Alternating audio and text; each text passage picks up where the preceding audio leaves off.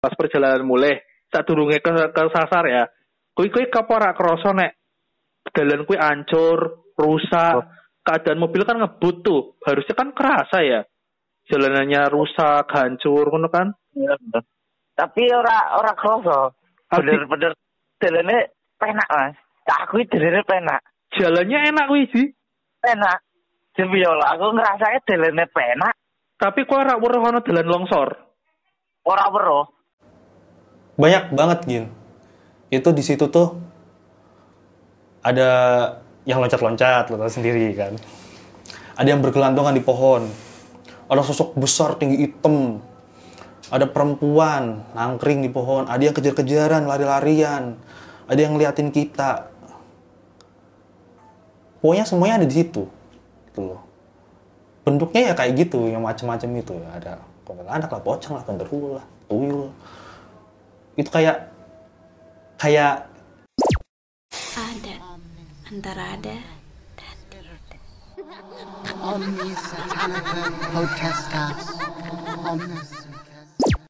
Halo masyarakat adat, gimana nih kabar kamu? Semoga dalam keadaan sehat, baik, dan berbahagia. Nah, seperti biasa di adat antara ada dan tiada, kita bakal mendengarkan cerita horor pengalaman nyata dari tokoh masyarakat alias narasumber kita. Hari ini kita kedatangan sama Kak Agung. Halo Kak. Halo Gina. Halo semua. Halo teman-teman adat. ini masyarakat adat kalau masyarakat di sini adat, ada. Iya. Jadi kalau misalnya ada yang cerita menjadi tokoh masyarakat Wah, kita. Aduh. Jadi kita kayak punya punya perkampungan sendiri gitu ya. Ketua gitu ya. Aku ketua adat berarti. saya tamu. Tamu tokoh masyarakat kan. Masyarakat datang ke sini mau bercerita Iya, mau bercerita. Saya. Oke, masyarakat siap mendengarkan ceritanya. Hari ini Oke. mau cerita apa, Kak? Aku mau cerita pengalamanku waktu tahun 2016. Hmm. Jadi waktu itu uh, sebelum nikah gitu kan.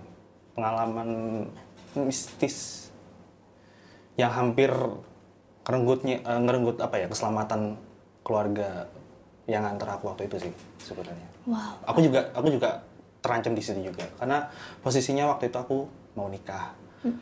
Uh, terus uh, dalam pernikahan di Jawa itu ada ada istilah pingit, terus uh, dalam istilah pingit itu aku dan calon istriku nggak boleh bertemu, nggak boleh ke mana-mana, kita dijagain supaya hal-hal yang tidak diinginkan itu tidak terjadi, gitu. Okay. Tapi kita terpaksa melanggar karena ada sesuatu yang memancing itu keluar. Dan akhirnya terjadilah sesuatu itu uh, gitu ya. Uh, uh, tapi ya, ya nanti pokoknya ini akan menjadi sesuatu yang membingungkan gitu loh. Bingung hmm. banget pokoknya. Oke. Okay. Kita langsung aja ya dengerin Kak Agung buat cerita. Hmm. Dari awal itu gimana kejadiannya dan apakah ini cerita yang sangat menegangkan karena kan mau mau hampir merenggut nyawa gitu kan jadi aku kayak dengernya berasa ya, kalau, ini sih kalau kalau itu kurang dikit aja hmm. udah oke okay. nggak nggak selamat oke okay.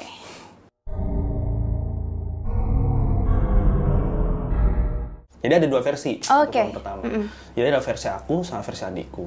Oh, adik iya. sepupu. Adik gitu. sepupu. Jadi di tahun 2016 itu aku tuh mau aku kerja di Jakarta kan hmm. kerja di Jakarta rumahku di Tegal istriku di calon istriku di Banjarnegara. Jadi aku uh, harus mengkoordinasikan uh, jadwal pernikahan ya. Jadi harus jadwalnya harus berberes nih harus benar. Karena kan jaraknya jauh-jauh banget gitu. Kerja di Jakarta keluarga di Tegal nikahnya di Banjarnegara. Akhirnya dapat jadwal cuti uh, kita nih Cuti itu tanggal dimulai tanggal 11 11 November tahun 2016. Kita dapat jadwal untuk uh, akadnya itu 2000 eh tanggal 14 November 2016 gitu. Jadi, jadi nikahnya itu akadnya di Banjarnegara. Nanti rame-ramenya resepsinya di Tegal. Hmm. Gitu. Nah, tanggal 11 aku pulang malam itu pulang ke Tegal. Nah, tanggal 12-nya itu ke Banjarnegara. Dari tanggal 12 itu aku jam 8 tuh habis Isa udah kumpul semua di situ. Aku mau diantar ke Banjarnegara untuk melakukan prosesi akad nikah di tanggal 14 nanti. di tanggal 12 itu ada dari keluarga ketua ada ada tiga orang. Uh, ada adekku, omku sama Pak D mas mas sama Pak D. Adikku mas pupu sama Pak D. Satu sopir. Empat sama aku lima dalam satu mobil. Oke. orang tua aku nggak ikut dulu karena memang nggak boleh bertemu sebelum hari H Hmm. itu hari hari pernikahan hari akadnya itu nggak boleh bertemu dulu. jadi yang nganter itu saudara-saudara aja saudara-saudara deket. Adikku nggak nganter adikku kandung itu nggak nganter. Eh, karena aku anak pertama ya jadi aku nggak punya kakak. Ibuku nggak nganter. Pokoknya cuma om pak D sama adik sepupu sama sopir. Udah. Eh, jam 8 itu kita udah berangkat. Bapak itu udah mewanti-wanti. Kalau bahwasanya ini sampai banjir kemungkinan tengah malam gitu kan. Sampai sana tengah malam rombongan istirahat dulu pulangnya nanti setelah subuh. Gitu. Udah diwanti-wanti seperti Iya, itu. iya. Nah bapak ini bapakku tuh punya kemampuan sebenarnya kemampuan yang dalam artian dia bisa menyembuhkan beberapa yang membantu orang menyembuhkan orang membersihkan tempat-tempat yang mistis dalam hal-hal itu. Dia punya kemampuan itu. Nah, beliau udah ngomong nih mewanti-wanti terus mobil tuh udah di kayak dikasih pagar lah pokoknya. Dikasih mediumnya tuh pakai air putih nggak tahu itu apa kamu nggak paham kan. Karena aku juga nggak- belum mau mempelajari itu. Jadi jadi bapakku tuh pakai medium air putih untuk kayaknya bikin barrier di mobil itu. Oh. gitu. Dah kita jalan nih. Jam 8 dari Tegal kita ada dua jalur di situ harusnya. Bisa lewat Purwokerto atau lewat Pemalang. Tapi kalau lewat Purwokerto jalannya datar cuma muter kalau lewat Pemalang jalannya cepat tapi naik turun bukit. Itu. Aku pilihannya biar cepat selesai biar cepat nyampe. Kita lewat Pemalang aja gitu. Nah, waktu pas perjalanan sampailah di Pemalang. Nah di Pemalang itu ada satu ikonik landmark daerah itu. Dua pohon kembar dengan tinggi yang hampir sama di tengah jalan. Jadi ini jalan nih tengah. Ini pohon pohon Oh kayak gerbang gitu kayak ya? gerbang bener. Iya. aku ngeliat tuh kayak portal gitu loh. Aku ngeliat kayak portal. Kanan itu sawah. Belakangnya bukit-bukit. Pegunungan gunung selamat bukit-bukit gunung selamat gitu. Jadi mobil tuh jalan di sini di tengah-tengah sini. Jadi kayak gerbang gitu. Nah kebiasaanku aku selalu ingat pesan bapak. Di mana pun kamu berada di mana mana pun kamu berjalan melakukan perjalanan hormatilah semuanya. Baik itu yang kamu lihat atau nggak nampak karena di tempat itu kita nggak tahu apa yang akan terjadi. Kita nggak tahu siapa yang menjaga. Kita nggak tahu eh, makhluk apa yang ada di situ gitu. Hormatilah. Kalau kita kan biasanya bunyiin klakson tiga kali. Bukan takut ya tapi lebih ke arah menghormati situ. Iya. lebih menghormati. Terus juga itu kan kayak peringatan ya. Maksudnya klakson kan juga buat peringatan barangkali. Itu jalan juga nikung gitu kan barangkali ada mobil atau motor Iya, yang benar. berpapasan sama kita gitu. Nah sebelum masuk ke situ kita udah udah kelihatan lu udah kelihatan apa pohonnya malam. Eh, aku bilang sama sopir Pak Sopir tolong klakson ya nanti sebelum masuk ke pohon ini gitu nah sopirnya bilang ah ngapain sih? Orang sepi nggak nggak ada apa-apa. Jalanan sepi gitu nggak ada mobil nggak ada motor. Biasa aja nggak usah klakson klakson lah ngapain? Ya pak maksudnya kita mau di jalan? Oh lah itu mitos mas gitu. Itu mitos itu nggak ada gitu kan nah posisinya aku di depan sama sopir. Adikku namanya Aldi itu di belakang di baris kedua sama Pak Deku. Nah si masku itu Mas Imin namanya itu di baris ketiga. Pakainya mini SUV gitu. mobil sita umat kalian tahu lah pasti itu. Itu di baris ketiga. Nah Mas Simin itu tidur posisinya beneran dong. Pas mobil lewat situ si sopir ini nggak nyalain klakson. Jadi lewat aja udah. Aku coba diem. Oke. Pas banget kita di samping dua pohon itu Mas Imin ngomong. Itu di atas pada turun semua gitu. Maksudnya apa tuh yang pada dia, turun? dia tiba tidur gini terus kayak nundur mudeng gitu. Apa tuh artinya kak? Itu di atas pada turun Dia lagi nyetir. Enggak, Mas Simin, Mas Simin tuh yang oh, di Mas belakang. Yang di belakang. Oh iya, Mas Simin yang di belakang, Yang belakang. tidur. Tidur. Itu yang di yang di uh, atas pada turun. Gitu. Aku tahu Mas Simin siapa. Dia tuh dulu uh, pernah kerja sama bapakku gitu loh. Dan ada yang diturunkan lewat Mas Simin juga gitu kan. Terus aku langsung, ah, di Mas Simin kenapa gitu kan? Ah nggak tahu Mas. Eh, tiba-tiba ngelindur kayak gitu. Terus aku lihat dia masih tidur. Gitu kan? Terus udah kan? Oke aku nggak mau mikirin macam-macam nih ya. Karena katanya kan kalau kita memikirkan itu itu pasti akan terjadi gitu kan? Aku berpikir positif lah pokoknya di situ. Men- mencoba berpikir positif di situ. Kita pokoknya eh, tujuannya apa ya itu yang dituju masuklah kita jalannya mulai nanjak tuh. Setelah gerbang itu setelah gerbang setelah pohon itu yang pohon namanya kalau orang bilang tuh randu kembar. Ada yang bilang jambe kembar. Itu udah jadi udah jadi apa ya rahasia umum lah. Orang udah tahu di situ ada apa gitu kan jambe kembar. Aku ngerasa itu tuh kayak perbatasan kayak tanda perbatasan antara pesisir laut sama gunung. Gitu. Karena itu di tengah-tengah banget posisinya di tengah-tengah wilayah itu setelah itu baru jalan nanjak. Pas jalanan nanjak wajar lah kalau jalanan nanjak kan. Mobil pasti berat gitu kan. Eh, gigi satu gigi dua gitu kan. Kalau kecepatannya ki- kilometer satu kilometer dua. Nanjak. Pas nanjak mah biasa aja aku nggak mikir macam-macam. Pas turun gini. Itu ada hal yang aneh. Apa tuh? mobilnya lambat banget. Padahal turunan. turunan dan nggak ada nggak ada motor nggak ada mobil mobilnya tuh lambat banget. Aku bilang pak ini kok mobil lambat banget? Gas aja lah pak. Orang nggak ada apa-apa gitu kan. Kenapa sih pak? Eh, bapak rabun malam-malam gitu. Atau mau aku gantiin. Oh nggak boleh mas. Mas aku nggak boleh nyetir. Nggak boleh. Bener-bener nggak boleh ngapa- ngapa-ngapain. Udah duduk kayak raja aja udah. Kita mau menikah. karena mau menikah gitu kan. Habis itu tapi ini mobil kenapa lambat banget gitu kan. 10 20 10 20 nggak tahu mas. Ini mungkin kurang rayen kali kurang diberesin mesinnya masih baru gitu kan. Itu memang masih baru ceritanya.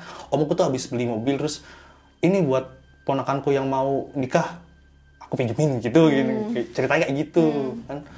Tapi kok mobil baru kayak gini banget ya gitu kan. Dan itu kan pabrikan-pabrikan bagus pabrikan Jepang gitu. Nggak mungkin kayak gini gitu kan. Ya udah mobil tuh berat aja berat aja itu kita ngelewatin bukit ngelewatin jalan turun. Turunan terus itu gitu turunan terus. Udah nggak ada nggak ada itu lagi. Sampai ke Purbalingga itu baru stabil. Kecepatannya balik lagi. Jalannya datar padahal nggak nurun datar. Tapi kecepatannya stabil. Padahal udah dicoba sopir yang buat ngegas. sudah. Tapi tetap nggak bisa. nggak bisa. Berat banget rasanya. Kayak kayak banyak banget yang ikut gitu loh. Aku ngerasa itu. Aku ngerasa itu. Kayak banget banget yang banyak banget yang ikut gitu kan. Terus akhirnya kita sampai Banjarnegara Purbalingga kan Banjarnegara tuh jam sekitar jam setengah 12 nah setengah 12 itu kita masuk ke daerah yang emang ngelewatin sungai besar yang kemarin rame sungainya ada orang dibuang gitu yang ketabrak terus dibuang gitu kan. di situ sungainya kan sampai ke Cilacap itu. Nah itu masuk desa desaku tuh aku samarin aja kayaknya ya Hmm, ya, desanya kan samarin desa itu tuh deket. Eh, pertama tuh desa M. Nah tempatnya tuh desa P namanya. Nah di desa P itu tempat istriku tinggal tempat istriku Oh, tinggal. desa, oke, desa oke. M ini nanti akan jadi titik poin penting sebenarnya. Hmm, gitu. kita ngelewatin desa M nih habis ngelewatin desa M baru kita pasar habis pasar baru nih keturunan nanjak nah ada jalan pertigaan nah jalan pertigaan ini nanti jadi poin banget Oke. jalan pertigaan ini jadi poin banget. Jadi jalan pertigaan ini kalau lurus ke atas itu ke desa yang ada di bukit di atas bukit. Kalau ke kanan itu ke desa P, desa istriku. Nah, kita masuk ke situ. Nah, pas masuk ke situ tuh di jam 12 kanan kiri salak, pohon salak karena komoditi di Banjarnegara itu emang petani salak. Buah salak banyak banget di situ, kebun salak banyak banget di situ. Terus posisi eh, desanya tuh kayak gini nih. Kebun salak, habis itu berapa kilometer, satu kilometer, dua kilometer baru desa. Ngumpul. Habis itu ntar kebun salak lagi ke sana, habis itu ntar desa lagi kayak gitu. Nah, masuklah kita nyampe di desa P itu desa istriku. disambut sama keluarga besar tapi nggak ada istriku nggak boleh ketemu. boleh ketemu. nggak boleh ketemu. Nah. Ada istriku. Dan aku disambutnya bukan di rumah istriku Mm.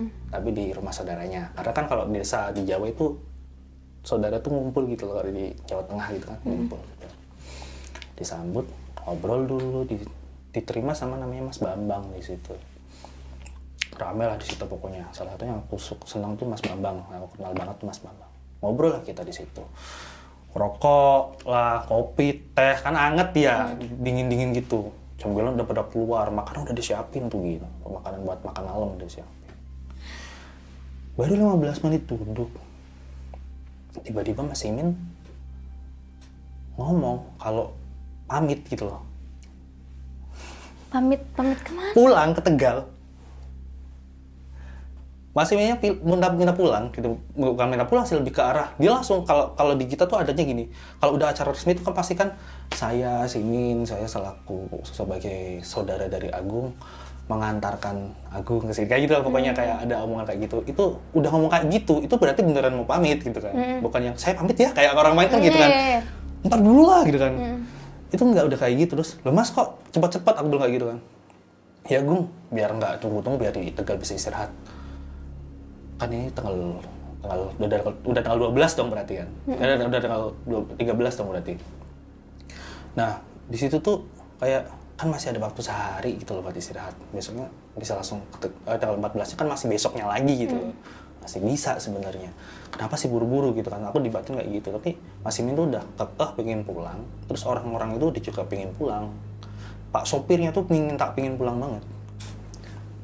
Secepat Gitu. itu ya Secepat itu. Ya udah kita nggak bisa ngapa-ngapain. Makan udah disediain. Mereka nggak mau makan. Terus aku bilang, "Di, nggak makan dulu. Aku sebenarnya lapar, Mas." Si Aldi bilang kayak gitu. Tapi udah pada mau pulang. Ya udahlah, aku di sini kan paling muda ngikut yang udah tua-tua gitu kan. Udah para orang tua ini gitu kan ngikut itu. Ya udah. Akhirnya kita ngomong, aku ngomong kan, "Mas, eh, tadi pertigaan tadi kan belok kanan. iya Berarti pulangnya belok kiri dong gitu, aku bilang gitu kan. Di pertigaan tadi pokoknya belok kiri, abis itu ketemu jalan provinsi. Udah itu patokannya. Atau aku ikut buat nganterin gitu. Gak usah gue, kamu udah di pinggir. Gitu. Kita tahu kok, itu gampang banget jalannya. Ngomong kayak gitu. ya udah akhirnya mereka jalan, akhirnya kita pamitan semuanya. Mereka jalan. Mobil udah jalan nih. Aku masuk ke rumah, duduk, kebetulan di situ ada orang tua si istri kan kalau orang tua masih bisa nerima aku gitu kan jam setengah dua tuh aku nggak tidur. Padahal udah jadi perjalanan jauh. Kan terus ibu calon mertua nih ibu calon mertua. Eh ngomong tanya gung kamu nggak tidur? Istirahat dulu jaga kesehatan. Kamu bentar lagi mau nikah gitu kan. Ini mulut nggak tahu kenapa bisa bilang kayak gini. Nanti bu aku bisa tidur setelah tahu kabar dari Aldi. Adikku. Langsung di situ aku sadar. Aku nggak punya nomor HP dari semua orang yang ada di mobil itu. Astaga. Serius. Karena aku tahun 2016 itu ya masih baru-barunya kan gadget nggak kayak sekarang ya semua punya WhatsApp group nggak nggak yang sekarang yang sudah bisa masuk. Orang tua juga nggak nggak banyak punya Android dulu masih HP-HP jadul gitu kan di daerah kayak gitu gin. Aku udah pakai Android yang lain belum. Tapi ya ada adikku emang udah pakai. Akhirnya jam setengah dua belas ya setengah dua tuh. Jam dua aku telepon kakaknya. Aku punya nomor kakaknya kakaknya si Aldi. Namanya Wulan di Tegal sana. Jam dua. Wulan maaf ganggu. Aku minta nomor Aldi ada. Gitu. ada mas? Gitu kan. Kasih kan nomor Aldi. Nah bisa aku langsung telepon halo Di gitu kan. Eh iya siapa? Mas Agung. Oh iya Di oh iya, Mas gimana? gitu. Kamu di mana di sekarang? Posisinya udah sampai mana? Purbalingga gitu. Aku kesasar Mas. Di mana di? gitu. Nggak tahu aku. Pokoknya kanan kirinya udah kebun salak. Terus kamu nggak bisa maju atau mundur atau belok gitu pokoknya. Depan udah jurang bawahnya sungai. Belakang mundur ke belakang ke belakang itu jalanan turun sekitar 30 meter. Banku selip nggak bisa mundur. Mobil nggak kuat. Jadi mobil nggak ada nggak ada apa sih buat persiapan mundur ke situ loh. Karena di sini udah tebing dari sini sungai. Kanan kiri udah pohon salak. Aduh, ngeri Pohon salak banget. gitu. Jadi kejadian udah jam 2 malam. Aku panik. Ah, duh. Tel- langsung telepon telepon istriku kan eh si Aldi kesasar loh. Rombongan tadi kesasar gitu. Serius ya iya kesasar. Gimana nih? Bentar aku ngomong Mas Bambang. Akhirnya telepon Mas Bambang kan. Mas Bambang langsung datang. Gue gimana gimana gimana gimana? Gitu kan. Mas Bambang datang sama istrinya namanya Mbak Siwi. Nah Mbak Siwi ini punya kemampuan. Kuat banget six sign-nya punya kemampuan nih. Piye gong gitu kan. Iya, saudaraku rombongan yang ada di ngantar aku kesasar. Di mana? Patokannya satu mbak, kebun salak. Gila aja Banjarnegara mah kebun salak banyak banget gitu kan. Kita bingung di situ. Suruh Sherlock bung, aku bilang kan. Di Sherlock. Gak bisa mas, gak bisa Sherlock. Sinyalnya parah banget. Emang di situ sinyalnya parah banget. Itu daerah itu deket sama dataran tinggi Dieng. Hmm, aduh. Gitu. Jauh banget. Itu. Di Saku cuma satu ah, setengah jam 45 menit lah ke dataran tinggi Dieng. Desanya istri gitu. Nah udah akhirnya, yaudah aku langsung gini, Mas siapin mobil dah. Udah ayo kita cari. Ini takut aku perasaanku nggak enak serius saya. bilang. Perasaanku kayak gini nggak enak. Biasa kalau aku kalau ngerasa sesuatu yang nggak enak pasti ya kayak gitu. Agak kuat aku dirasa di perasaan seperti itu ngerasa kayak gitu agak kuat aku. Ya udah gue ngayo kalau kamu mau. Tiba-tiba istriku datang ngapain aku ikut gitu ya udahlah udah udah panik kan? Akhirnya di mobil itu sedan mobil sedan tahun 90-an mobil tua tuh. Eh, aku istri calon istriku Mbak Siwi sama Mas Bambang. Empat orang kita cari jam 2 malam. Keluar dari desa lurus terus jalan kebun-kebun salak. Terus eh, di pertigaan itu kita berhenti. Itu kan poinnya tuh. Di pertigaan tadi aku bilang itu poinnya ini ke kiri jalan provinsi ke, ke- ke kanan. Berarti ke desa yang ada di bukit. Aku bilang aku telepon dulu Aldi. Di aku mau tanya. Tadi kamu waktu jalan keadaannya gimana? Kamu tidur nggak? Aku nggak tidur mas. Aku sama ngo- sopir ngobrol. Aku tanya-tanya masalah nyetir mobil gitu. Terus kamu ngerasa apa? Jalannya nanjak apa enggak? Rusak apa enggak? Enggak mas, jalan datar, halus. Terus di situ ada lampu-lampu, hutan-hutan. Enggak ada hutan mas, itu lampu-lampu terang semuanya. Kayak jalan provinsi gitu, yang udah ada penerangan bagus gitu. Oke, berarti kemungkinan kamu nggak nyasar di desa atas nih gitu kan? Ya nggak tahu mas. Aku nggak tahu di di mana pokoknya. Aku nggak tahu posisinya di mana. Tiba-tiba aku ada di sini aja. Dia bilang kayak gitu. Aku tutup ya. Aku cari lokasi kamu gitu kan. Aku coba cari. Aku tutup teleponnya. Mas bambang bilang ini kita ke kiri. Emang bener jalan provinsi tapi luas banget nanti cangkupan areanya akan kita cari. Tapi firasatku Gung, ke kanan. Masa mas Aldi bilang jalannya nggak nanjak loh gitu kan. Tapi jangan pikir ini sesuai nalar manusia loh. Ada hal yang nggak bisa dinalar kadang-kadang. Aku mikir lagi kan. Tapi kalau dari atas itu pendek mas. Ya itu sekitar sat, apa 4 kiloan cuma kita bisa nyari dulu di situ. Kalau di situ nggak ada baru kita turun ke bawah. Nyari perluas lagi gitu logikanya kan. Oke deh kita jalan. Jalan aku sama eh, rombongan yang pencari nih tim pencari lah katakanlah ya tim pencari empat orang ini. Kita jalan. Selama aku pacaran dengan istriku itu udah berarti enam tahun. Dan aku udah bolak balik ke rumah dia. Aku nggak pernah ke desa itu. Padahal itu tetangga desa. Jaraknya sekitar tiga 3-4 kilo gitu. Jalannya tuh naik terus anjak terus. Jalannya rusak waktu itu masih rusak. Masih rusak banget. Bolong-bolong di mana-mana aspalnya nggak rata gitu kan. Sampai akhirnya ya kanan kiri kebun salak kanan kiri kebun salak. Rumah tuh ada satu dua satu dua. Jalannya jalanan tuh gelap. Depan kita ada mobil. Wah ada temennya nih nggak terlalu serem-serem banget lah pokoknya. Kita turutin karena mobilnya belok kiri masuk ke rumah. Kita lurus lurus loh lurus tuh sampai akhirnya di pohon pinus kanan kiri pohon pinus. Ini jalan ini pohon pinus ini pohon pinus. Nah sebelum masuk situ mbak sih bisikin dari belakang. Gong. Kamu nggak usah teriak nanti. Nggak usah jejeritan. Aku tahu kamu lagi bocor. Iya mbak? Pokoknya kamu jangan bikin panik anak gitu. Istriku namanya Ana. Oke.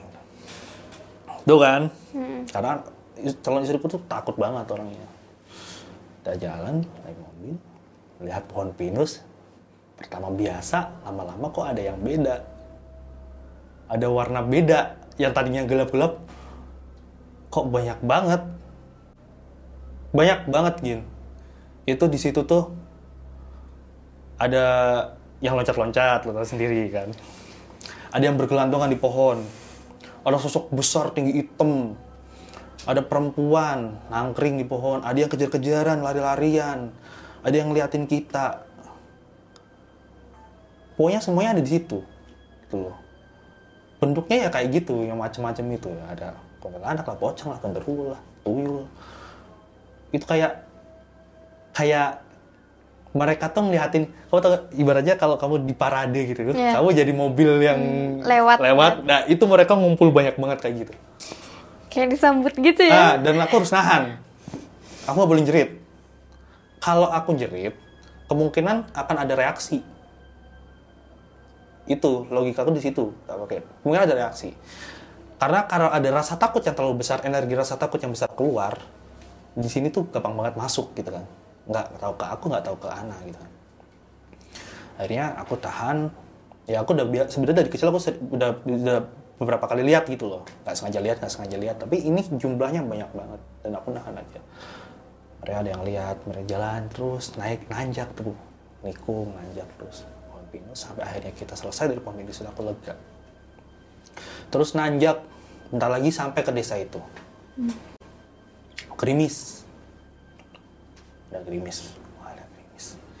Dari pencarian masih gerimis kayak gini. Akhirnya kita harus berhenti terpaksa harus berhenti karena jalan di depan kita nggak ada Maksudnya buntu. nggak Maksudnya gimana gimana? Aduh. longsor Astagfirullah. jadi ada jembatan Mm-mm. patah patah jadi aku berdiri di ujung jembatan gini nih Nah, aku keluar dari mobil kan akhirnya kan ngecek lokasi kan kenapa nih? Kok nggak nggak malam-malam kayak gini kan? Aku berdiri di ujung jembatan akhirnya aku ngecek jembatan kan. Patah. Karena di sini ada rumah nih di sana ada masjid ada rumah. Di sini ada rumah nih. Nah rumah yang ini nih udah mau jatuh. Banjarnegara tuh sering banget longsor. Banyak banget tanah, tanah bergerak. Nah di situ tuh longsor. Aku lihat dengan kepalaku sendiri itu bekas longsor. Jembatan tuh patah. Patah gitu. Dan itu jalan satu-satunya menuju desa itu kita belum sampai ke desa itu. Kita baru sampai gerbangnya aja lah jembatannya itu. Bawahnya ada sungai alir yang kecil gitu kan. Dari pikiranku nggak mungkin. Udah nggak mungkin dong. Dia ke sini gitu loh. Nggak mungkin. Tapi kok rasanya kuat banget pin ke situ gitu loh. Ngecek sampai selesai gitu kan. Tapi gimana cara jalannya? Nah dari belakang tiba-tiba ada truk.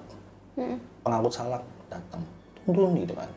Minggir ternyata truk salaknya itu dibikinin jalan darurat untuk pengiriman salak sebelum jalan ini jadi.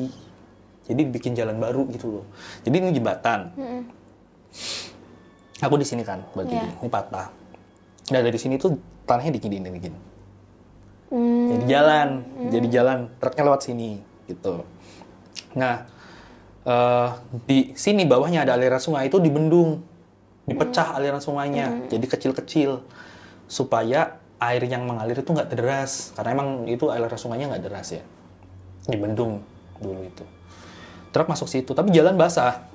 Bebatuan. Cuma mobil dengan ban-ban besar yang bisa lewat jalan itu. Off road pokoknya. Terus aku bilang kan Mas Bambang, Mas Bambang, penasaran aku pengen nyoba ke desa itu. Gak mungkin gue, mobilku gak kuat. Sedan 90-an, gak kuat gitu. Terus gimana? Udahlah, kita ke bawah. Kita atur atur strategi di bawah gitu. Balik lagi nih. Ya udah. Ya udah balik lagi. Kita masuk mobil. Mobil putar balik. Kita lewatin pohon-pohon pinus tadi. Ya. kan? Jumlahnya nggak nggak sebanyak tadi. Oke. jumlahnya berkurang nggak sebanyak tadi tapi kejadian mobil berat saat turunan terjadi lagi mobilku itu di turunan tuh kan jalan jalannya nanjak kan? Ini mobilnya kan jalan turun itu terjadi lagi. Mas bang udah kayak udah tahu dia gitu. Gak sih udah ngetik gitu kan udah ngomong gue gue udah nggak beres nih gitu kan. Iya aku ngerasa gitu kan. Si anak apa mbak? Mbak nggak apa-apa gitu kan. Mas bang gimana mas? Yang penting rem nggak blong aja lah. Ini jalan nurun soalnya. Ya udah kita jaga itu aja gitu kan. yang penting nggak jahil di situ aja pokoknya. Akhirnya kita mau dengan mobil yang berat itu kecepatan yang rendah itu kita nyampe ke pertigaan itu lagi. Nah cuma mobil itu nggak masuk ke desa tapi lurus dulu melipir buat berhenti nelfon Aldi lagi mastiin lokasinya. Jadi ini ini pertigaan kita lurus dulu. Kita nggak belok ke desa kita ke arah jalan provinsi yang ada pasar M itu tadi nah di situ ada bangunan SD dan depan bangunan SD itu eh, ada toko bangunan. Nah itu kita bersendiri berdiri di toko bangunan itu. Ya udah aku telepon Aldi. Di serius kamu tuh eh sekarang posisinya tadi beneran nggak lewat jalan tanjakan? Aku tanya lagi kan. Enggak mas. Jalannya datar kamu nggak menemukan lokasi-lokasi bekas longsor gitu kan? Enggak nggak ada. Mobilku baik-baik aja. Nggak ada yang lecet. Gitu. Oke oke. Berarti nggak di situ berarti. Kenapa mas? Aku soalnya habis nemu tempat longsor di gitu kan. Oh gitu. Ada yang longsor. Iya. "Ah, nggak mungkin mas nggak ke situ? Oke oke oke. Udah aku cari lagi kamu. Aku nutup telepon nih. Tiba-tiba mbak Simi lari masuk masuk masuk masuk masuk gitu katanya. Masuk masuk mobil masuk gitu kan. Masuk mobil sekarang gitu kan. Apa sih mbak masuk. Masuk mobil semuanya. Mas gas. Ke mana? Ke pasar. Masuk gitu kan. Akhirnya mas babang ngegas dong mobil itu. Dan jalan tadi kan jalan ngelewatin setelah pasar kan jalannya gini nih. Turun terus nanjak. Nah pas turun itu di tengah-tengah ada jembatan. Pas jalan turun ini remblong Astaga. astagfirullah gitu kan langsung kan. Iya. kita teriak tapi mas banget tadi astagfirullah. Kenapa mas? Gitu kan. Aku berusaha aku nggak panik.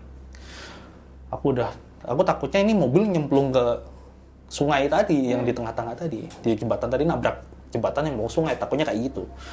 Mas Baba akhirnya bisa ngendali itu mobil ya. Jadi di di kurang-kurang kecepatan setelah hampir mau ke tanjakan baru digas. Set baru digas habis sampai gas net ngelewatin pasar di dekat pasar ada minimarket itu yang merah putih itu. Kita berhenti di situ dan rem berfungsi kembali. Itu Duh, itu gangguannya kan tegang banget aku dengerinnya beneran deh aku langsung kayak ngebayangin. Terus lanjutkan kak. Terus? Keluar dari mobil. Aku mau beli minum haus so, aku sadar sesuatu. Itu gunung Kin. Hawanya dingin. Jam 2 malam. Aku nggak pakai jaket. Badanku rasanya panas. Panas pokoknya. Keringet aku mikir itu karena mungkin aku lagi panik atau agak tapi kayaknya nggak nggak mungkin gitu. Kayak bukan kayak gini. Ini angin ada. Dingin lah. Dieng itu dingin loh. Banjarnegara itu dingin dingin banget. Terus Mbak Siwi aku di mobil sama Anders keluar Mbak Siwi udah keluar duluan ambil minum di minimarket langsung bangkit keluar. Kita kasih minum satu-satu kan. Minum dulu. Minum. Habis minum Mbak Siwi bilang Gong apa mbak? Apa kamu nggak mikir? Gitu kenapa tuh kalian berdua tuh udah ngelanggar pingit loh. Kalian berdua tuh udah ketemu. Kalian berdua mau nikah gitu kan terus kamu tahu nggak tadi? Yang tadi pohon pinus sama tadi yang depan sekolahan itu udah ada di atasmu semuanya. Mau nyerang kamu mau ngambil kamu mau ngambil anak. Karena apa? Orang yang mau nikah orang yang sudah nikah dan bayi yang baru lahir itu syarat mutlak tumbal yang enak. Hmm, tumbal buat apa? Ya untuk dikorbankan untuk makanan untuk apa pun nyawa bisa diambil di situ. Karena itu kan pernikahan itu sakral ya kalau di adat Jawa ya di mana-mana kan sakral kan. Itu bisa terjadi. Lah gangguan yang pengen dilakukan ya kayak gitu. Mereka nggak langsung kayak kalau di film-film kan langsung nyekek apa apa enggak enggak mereka berusaha menggiring kita supaya kita tuh celaka. Iya. entah mobil itu masuk jurang lah apalah gitu. Aku lemes. aku langsung Astagfirullahaladzim, iya ya, aku, aku panik mbak, aku panik, aku mikir keluar apa saudaraku, aku panik. Udah, pokoknya sekarang kita pulang ke desa. Kita pulang ke desa. Lewat jalan tadi, satu-satunya jalan itu nggak bisa ke mana, nggak bisa lewat yang lain. Itu cuma satu akses kita tuh terbatas, cuma satu jalan itu buat bolak-balik. Lewat pertigaan tadi lagi berarti. Ya udah, bentar kamu di sini. Mbak Siwi tuh baca doa gitu kan. Aku nggak tahu dia baca apa tapi bilang kamu udah dipagerin kok. Gitu. Kamu udah dipagerin sama bapak. Gitu. Udah ayo kita pulang. Nggak apa-apa. Tadi banyak banget soalnya. Tadi aku nyingkir dulu supaya takut kenapa-napa. Takut ada apa-apa takut masuk. Tapi kayaknya kamu udah dipagerin. Sebelum pulang aku telepon bapak kan. Ah, bentar mbak. Aku telepon bapak dulu. Aku mau. Aku udah ngabarin pak Ali kesasar nggak tahu di mana. Dia patokannya pohon salak. Sedangkan di sini lokasi pohon salak kebun salak banyak banget gitu. Aku nggak tahu. Gong kamu pulang. Kamu tenang. Aldi nggak kenapa-napa. Kamu tenang pokoknya gitu. Bapak udah bilang kalau mau jalan ke Tegal habis subuh. Hmm, itu omongannya bapak nggak ada pesan. gitu kan? Ya udah. Ya udah kamu pulang. Sekarang kamu udah ngelamar pingin pulang masih masih bagus kamu selamat. Pulang sekarang gitu kan. Akhirnya kita pulang ke desa di situ udah rame orang. Pengantennya hilang pengantennya hilang pengantennya hilang kayak gitu kan. Udah rame banget. Kamu ke mana Gung? Kamu ke mana? Oh, udah diomel-omelin sama orang-orang di situ. Aku nyari saudaraku kesasar langsung ada orang yang wah ke desa itu pasti. Ah.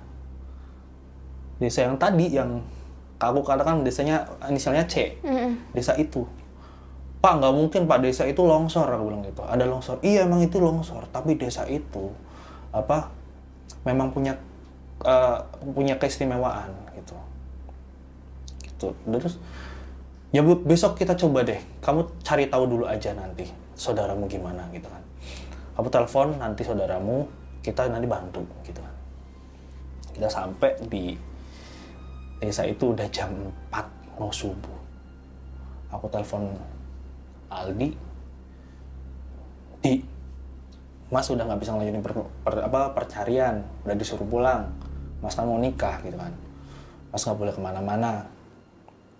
Ya Mas nggak apa-apa. Mas Imin udah keliling kok gitu kan. Ke mana?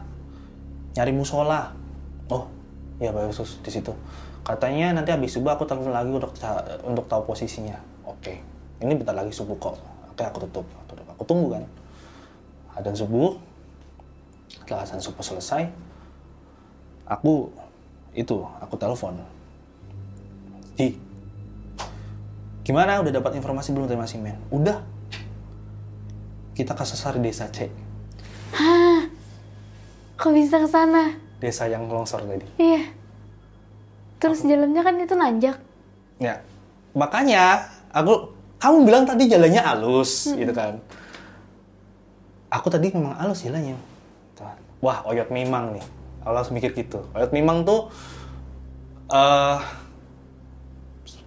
apa ya ranting gaib lah. Biasa jatuh di jalan. Kalau nginjak itu tuh orang bakal dibikin pusing. Eh, kejadian yang sering terjadi adalah orang dibikin muter-muter di satu tempat itu. Hmm. Tapi ini kayak lebih ekstrim. ini kayak ditarik lagi ke mana gitu. Disasarinya parah. Jadi itu ke desa C itu. Desa yang longsor tadi itu.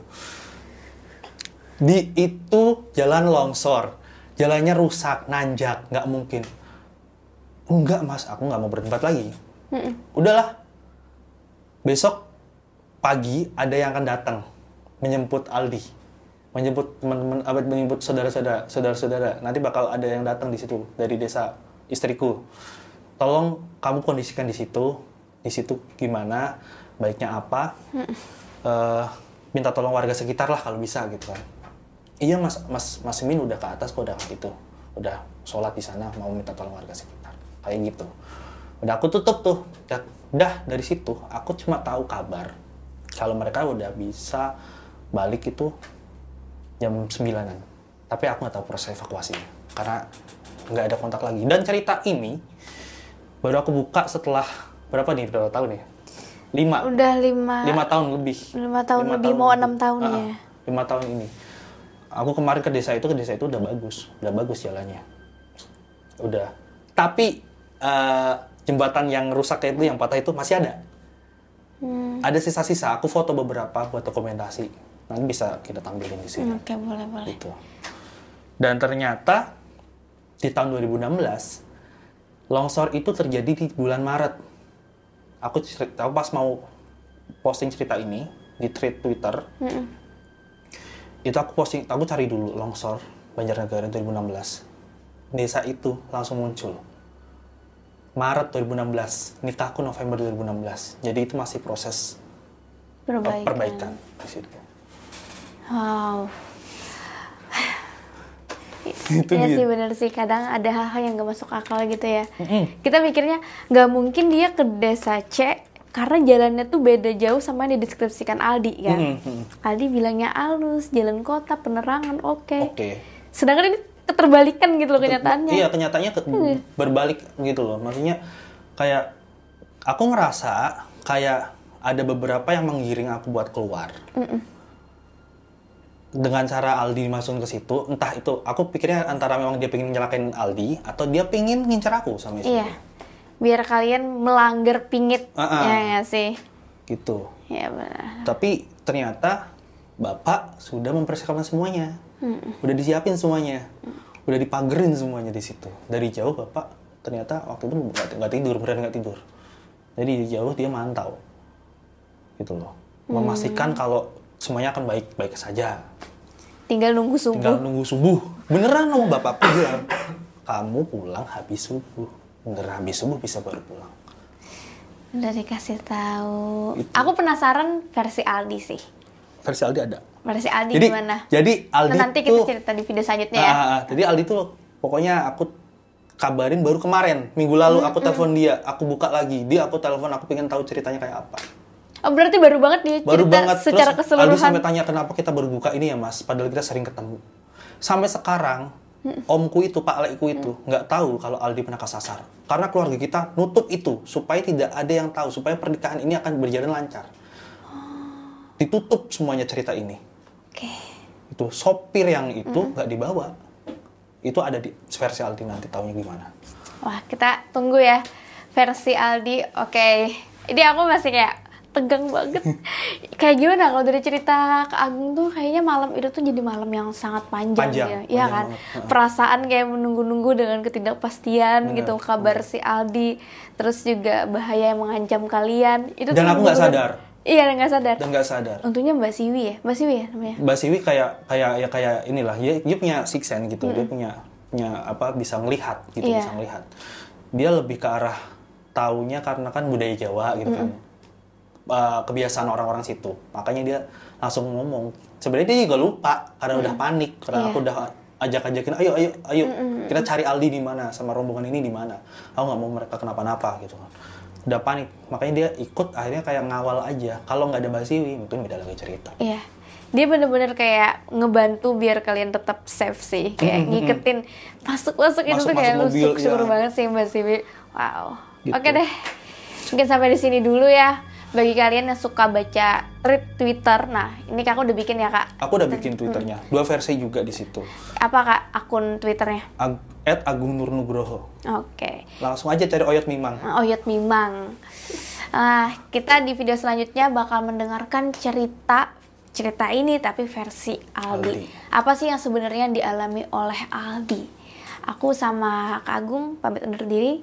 Bye. Dah. Hai guys, thank you udah menonton video ini sampai habis. Jangan lupa untuk di-subscribe, nyalakan loncengnya, like, comment, dan share. Bantu aku untuk membangun channel ini sebagai channel nomor satu penjelasan mengenai mitologi, horor, dan misteri.